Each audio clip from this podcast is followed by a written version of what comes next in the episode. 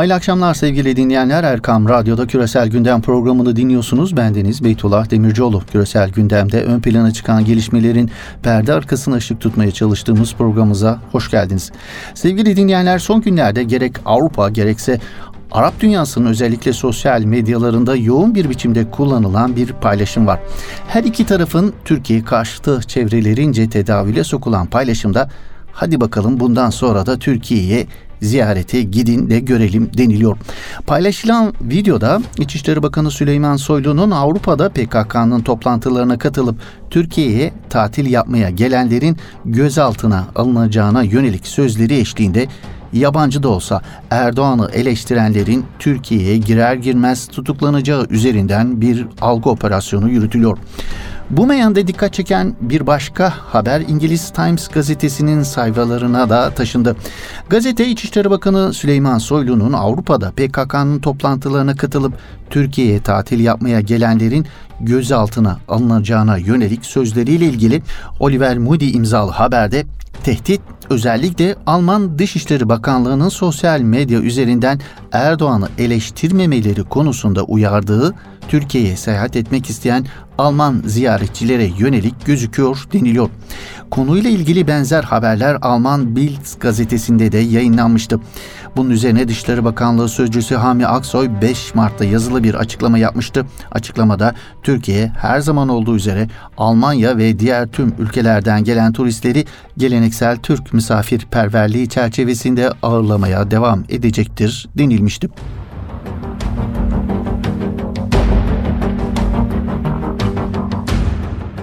Muhammed Bin Selman'ın veliaht prens olmasından bu yana Suudi Arabistan küresel gündemin en çok konuşulan, tartışılan ülkesi olmayı sürdürüyor. Özellikle Suudi gazeteci Cemal Kaşıkçı cinayeti sonrası Suudi Arabistan küresel gündemin hep üst sıralarında yer alan ülke oldu. Suudi Veliaht Prens Kaşıkçı cinayetini kamufle etmeye, unutturmaya yönelik atraksiyonları bu uğurda harcadığı milyar dolarlara rağmen küresel medyanın eleştiri oklarından kurtaramıyor kendisini ve ülkesini. Son dönemde Suudi Arabistan'ı gündeme taşıyan konu baba oğul arasında yaşandığı iddia edilen görüş ayrılıkları. Küresel medyanın gündemine getirdiği iddialara göre Kral Selman ile oğlu Muhammed arasında iç ve dış politikaya ilişkin pek çok siyasi konudaki görüş ayrılıklarının her geçen gün biraz daha artıyor. Bu konuda İngiliz Guardian gazetesinin adını açıklamadığı bir kaynağa dayandırdığı haber bir hayli yankı buldu hem ülkemiz hem de Orta Doğu çevrelerinde. Haberde oğlunun tasarruflarından endişe eden Kral Selman'ın Veliaht Prens'in yakın koruma ekibine yerleştirdiği 30 sadık adamını görevden aldığı dahi ileri sürülüyordu İngiliz Guardian gazetesi tarafından. Guardian, Veliaht Prens'in babası ülke dışındayken iki büyük atamaya imza atmasını da Kral Selman tarafından rahatsızlık duyulan icraatlarından biri olarak gösterildi. Veliaht Prens Prens Rima bin Bandar bin Sultan'ı ABD Büyükelçiliğine öz kardeşi Halid bin Selman'ı da Savunma Bakanlığı'na atamıştı. Guardian'a konuşan kaynak bu atamaların bir süredir konuşuluyor olmasına karşın duyurunun kralın haberi olmadan yapıldığını ve Kral Selman'ın Prens Halit'in bu kadar üst düzey bir göreve atanması için erken olduğunu düşünmesi nedeniyle özellikle bu atamaya kızgın olduğu ileri sürülmüştü gazete tarafından. Gazeteye göre kral ve veliaht prensin Yemen'deki savaş esirlerine muamele ve Suudi Arabistan'ın Sudan ve Cezayir'deki gösterilere verdiği tepki konusunda da görüş ayrılığı yaşandığı ileri sürülmüştü gazete tarafından. İngiliz gazetesine göre tüm bunlar Kraliyet Sarayı'nda bir şeylerin ters gittiğini gösteren üstü kapalı ama önemli sinyaller deniliyordu.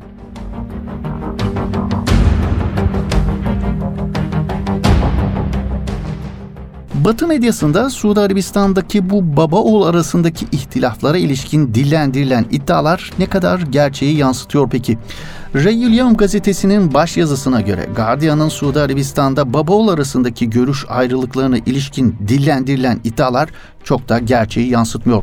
Zira Kral Selman'ın artık önemli oranda sağlığını kaybettiğini, zaten ülkeyi bir fiil Veliaht Prens Muhammed Bin Selman'ın yürüttüğü vurgulanıyor.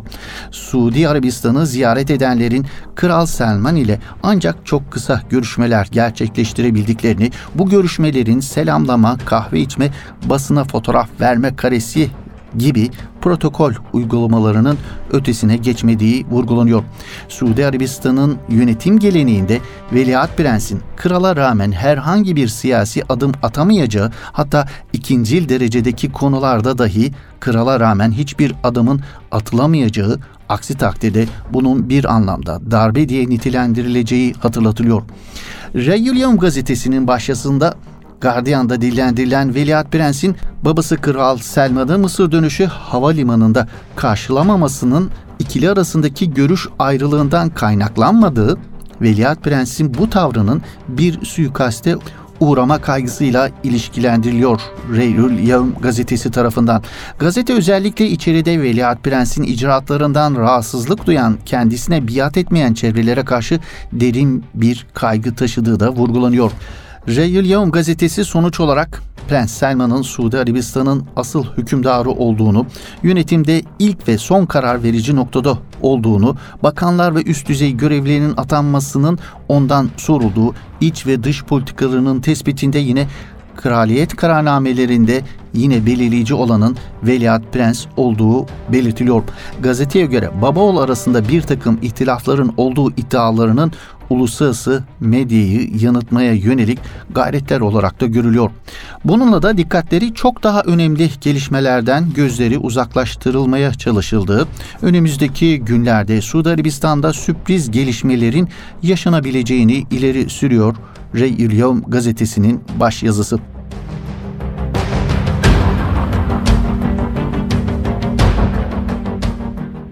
Evet küresel gündeme Suudi Arabistan'la ilgili yansıyanlara bakmaya devam edelim. Bu arada İsviçre'nin Cenevre kentinde devam eden İnsan Hakları Konseyi'nin 40. oturumunda 28 Avrupa Birliği üyesinin dahil olduğu 36 ülke Suudi gazeteci Cemal Kaşıkçı cinayetini en sert şekilde kınadı sorumlulardan hesap sorulması çağrısında bulunuldu. Ancak aynı Avrupa Birliği ülkeleri Avrupa Birliği Komisyonu tarafından hazırlanan Suudi Arabistan'ın da aralarında yer aldığı 23 ülkeyi kapsayan terörün finansmanı ve kara para aklama ile mücadelede başarısız ülkeler listesinin reddedilmesine karar verildi. Açıklamada söz konusu ülkeler listesinin şeffaf ve uygun biçimde hazırlanmadığı gerekçesiyle red kararı alındığı kaydedildi. Avrupa Birliği Komisyonu 13 Şubat'ta kara para ve terörizmin finansmanı ile mücadelede yetersiz kalan 23 ülkeyi kapsayan liste taslağını hazırlamıştı.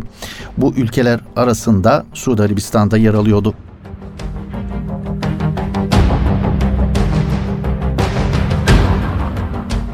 Evet gündemden düşmeyen Suudi Arabistan Veliaht Prensi ile alakalı bir diğer dikkat çeken haber ABD'li Cumhuriyetçi Senatör Marco Rubio'nun Selman hakkındaki oldukça sert açıklamaları oldu sevgili dinleyenler. Veliaht Prens için o umarsız ve gaddar biri diyen Cumhuriyetçi Senatör bunun bu genç adamla ilgili adaletsiz bir yorum olduğunu düşünenler onun son iki yılda yaptıklarına bir baksın.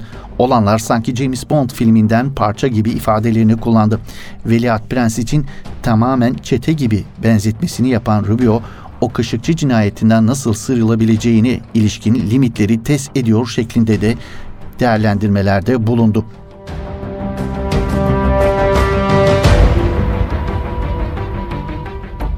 Cezayir'de Nisan ayında gerçekleşecek Cumhurbaşkanlığı seçimleri için mevcut Cumhurbaşkanı Bouteflika'nın 5. kez aday olmasına yönelik protestolar aralıksız sürüyor. Cezayir sokaklarındaki tansiyon her geçen gün yükseliyor.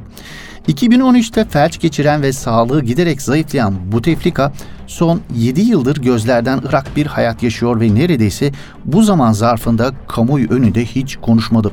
83 yaşında tekerlekli sandalyeye mahkum, son derece ciddi sağlık sorunlarıyla uğraşan hatta o derece ki yaşayan ölü diye tanımlanan bu teflika konusunda neden bu kadar ısrar ediliyor sorusu haklı olarak gündeme getiriliyor.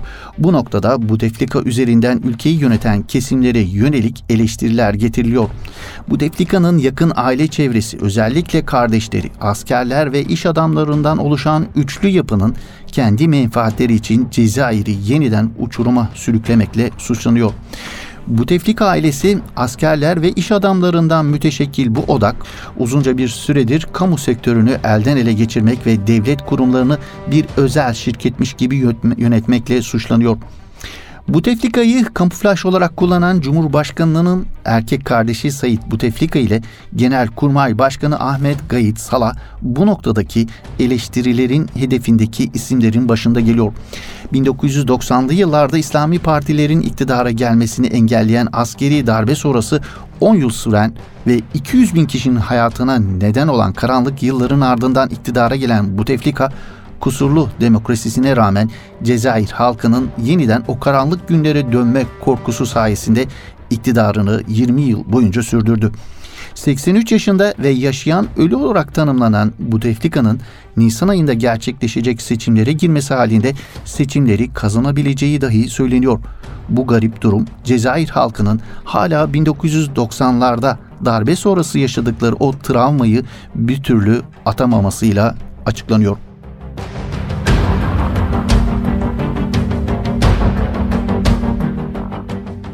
ABD Devlet Başkanı Donald Trump, Amerikan Merkezi Haber Alma Teşkilatı'na her yıl savaş bölgeleri dışında insansız hava araçları ile düzenlediği saldırıları ve bunlar sonucunda ölen sivillerin sayısını açıklama zorunluluğunu getiren kararnameyi iptal etti.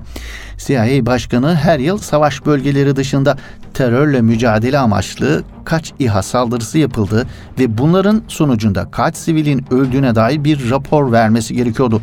Bu uygulama hükümetin daha şeffaf olması yönündeki baskılar üzerine 2016'da eski ABD Başkanı Barack Obama'nın çıkardığı başkanlık emriyle başlatılmıştı. 11 Eylül saldırılarından bu yana askeri ve terörle ilgisi olduğu düşünülen hedeflere karşı İHA'lar daha sık kullanılmaya başlanmıştı. Terörle mücadele gerekçesiyle başlatılan bu saldırıların en çok düzenlendiği ülkeler arasında ise Afganistan, Pakistan ve Somali başı çekiyor.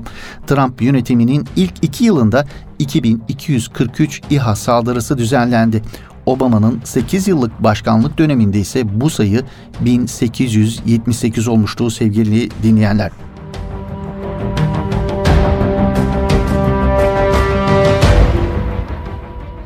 Son dönemde antisemitizm tartışmalarının hedefindeki ABD Temsilciler Meclisi'nin ilk başörtülü milletvekili İlhan Ömer'le ilgili haberler dünya basınında gündem olmayı sürdürüyor. Tartışmalar İlhan Ömer'in sosyal medya hesabından İsrail yanlısı Amerikan İsrail Halkla İlişkiler Komitesi'nin İsrail'i desteklemeleri için ABD'li siyasilere para ödediğini iddia etmesiyle başlamıştı. Hem Cumhuriyetçiler hem Demokratlar bu paylaşımın ardından Ömer'i hedef tahtasına oturtmuş, ABD Başkanı Donald Trump da kendisini istifaya çağırmıştı. Middle East Monitor'da çıkan bir makalede Kongre Ömer'in sözlerini eleştirdi ancak İsrail'in şiddeti konusunda sessiz kaldı yorumunda bulunuyor. Reyhanina'nın kaleme aldığı ilgi çekici makalede ABD Kongre Başkanı İlhan Ömer'in İsrail'in Amerikan siyasetini etkilemesi yönündeki eleştirisi gerçekten de benzersiz ve bu tartışmayı gerçekten ahlaksız kılan şey Ömer'in sözlerine odaklanması ancak Filistinli sivillerin İsrail tarafından öldürülmesini ve baskı altına alınmasını görmezlikten gelmesi ifadelerine yer veriliyor Middle East Monitor'un makalesinde. Bu arada İlhan Ömer'e bir destekte Siyonizm karşıtı Ortodoks Yahudilerden geldi. Netori Karta yani şehrin muhafızları adlı Yahudi cemaati ABD Kongresi'nin başörtülü ilk Müslüman üyesi Somali asıllı Demokrat Ömer'i tüm kalpleriyle desteklediklerini söyledi. Cemaatin lideri Haham David Feldman Anadolu Ajansı'na yaptığı açıklamada dinine bağlı bir Yahudi olduğunu fakat Siyonizm ve Yahudiliği ayrı gördüğünü vurguladı. Feldman Filistin'in işgalini dile getirdiği için birisini antisemist olmakla suçlamak kabul edilemez bir şey. Ayrıca bunun Yahudiler adına yapılması biz Yahudilere zarar veriyor. Ömer'e yapılan trajedi ve hukuksuzluktur. Ömer'i uzun zaman önce konuşulması ve söylenmesi gereken şeyleri söylediği için başkalarına ibret olsun diye cezalandırmaya çalışıyorlar. Ömer doğruları söylüyor ve bu yüzden buradayız açıklamasında bulundu Siyonizm karşıtı Ortodoks Yahudilerin lideri.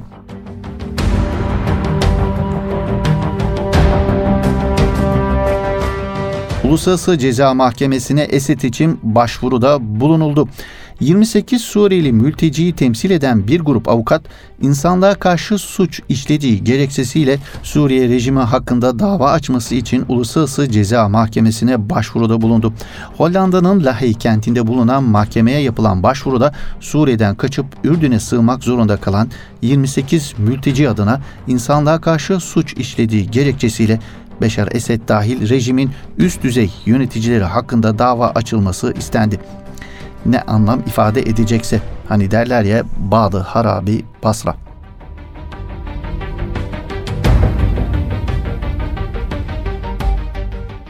Evet bir küresel gündemin daha böylelikle sonuna gelmiş bulunuyoruz sevgili dinleyenler. Yeni bir küresel gündemde buluşmak ümidiyle hoşçakalın, iyi kandiller efendim.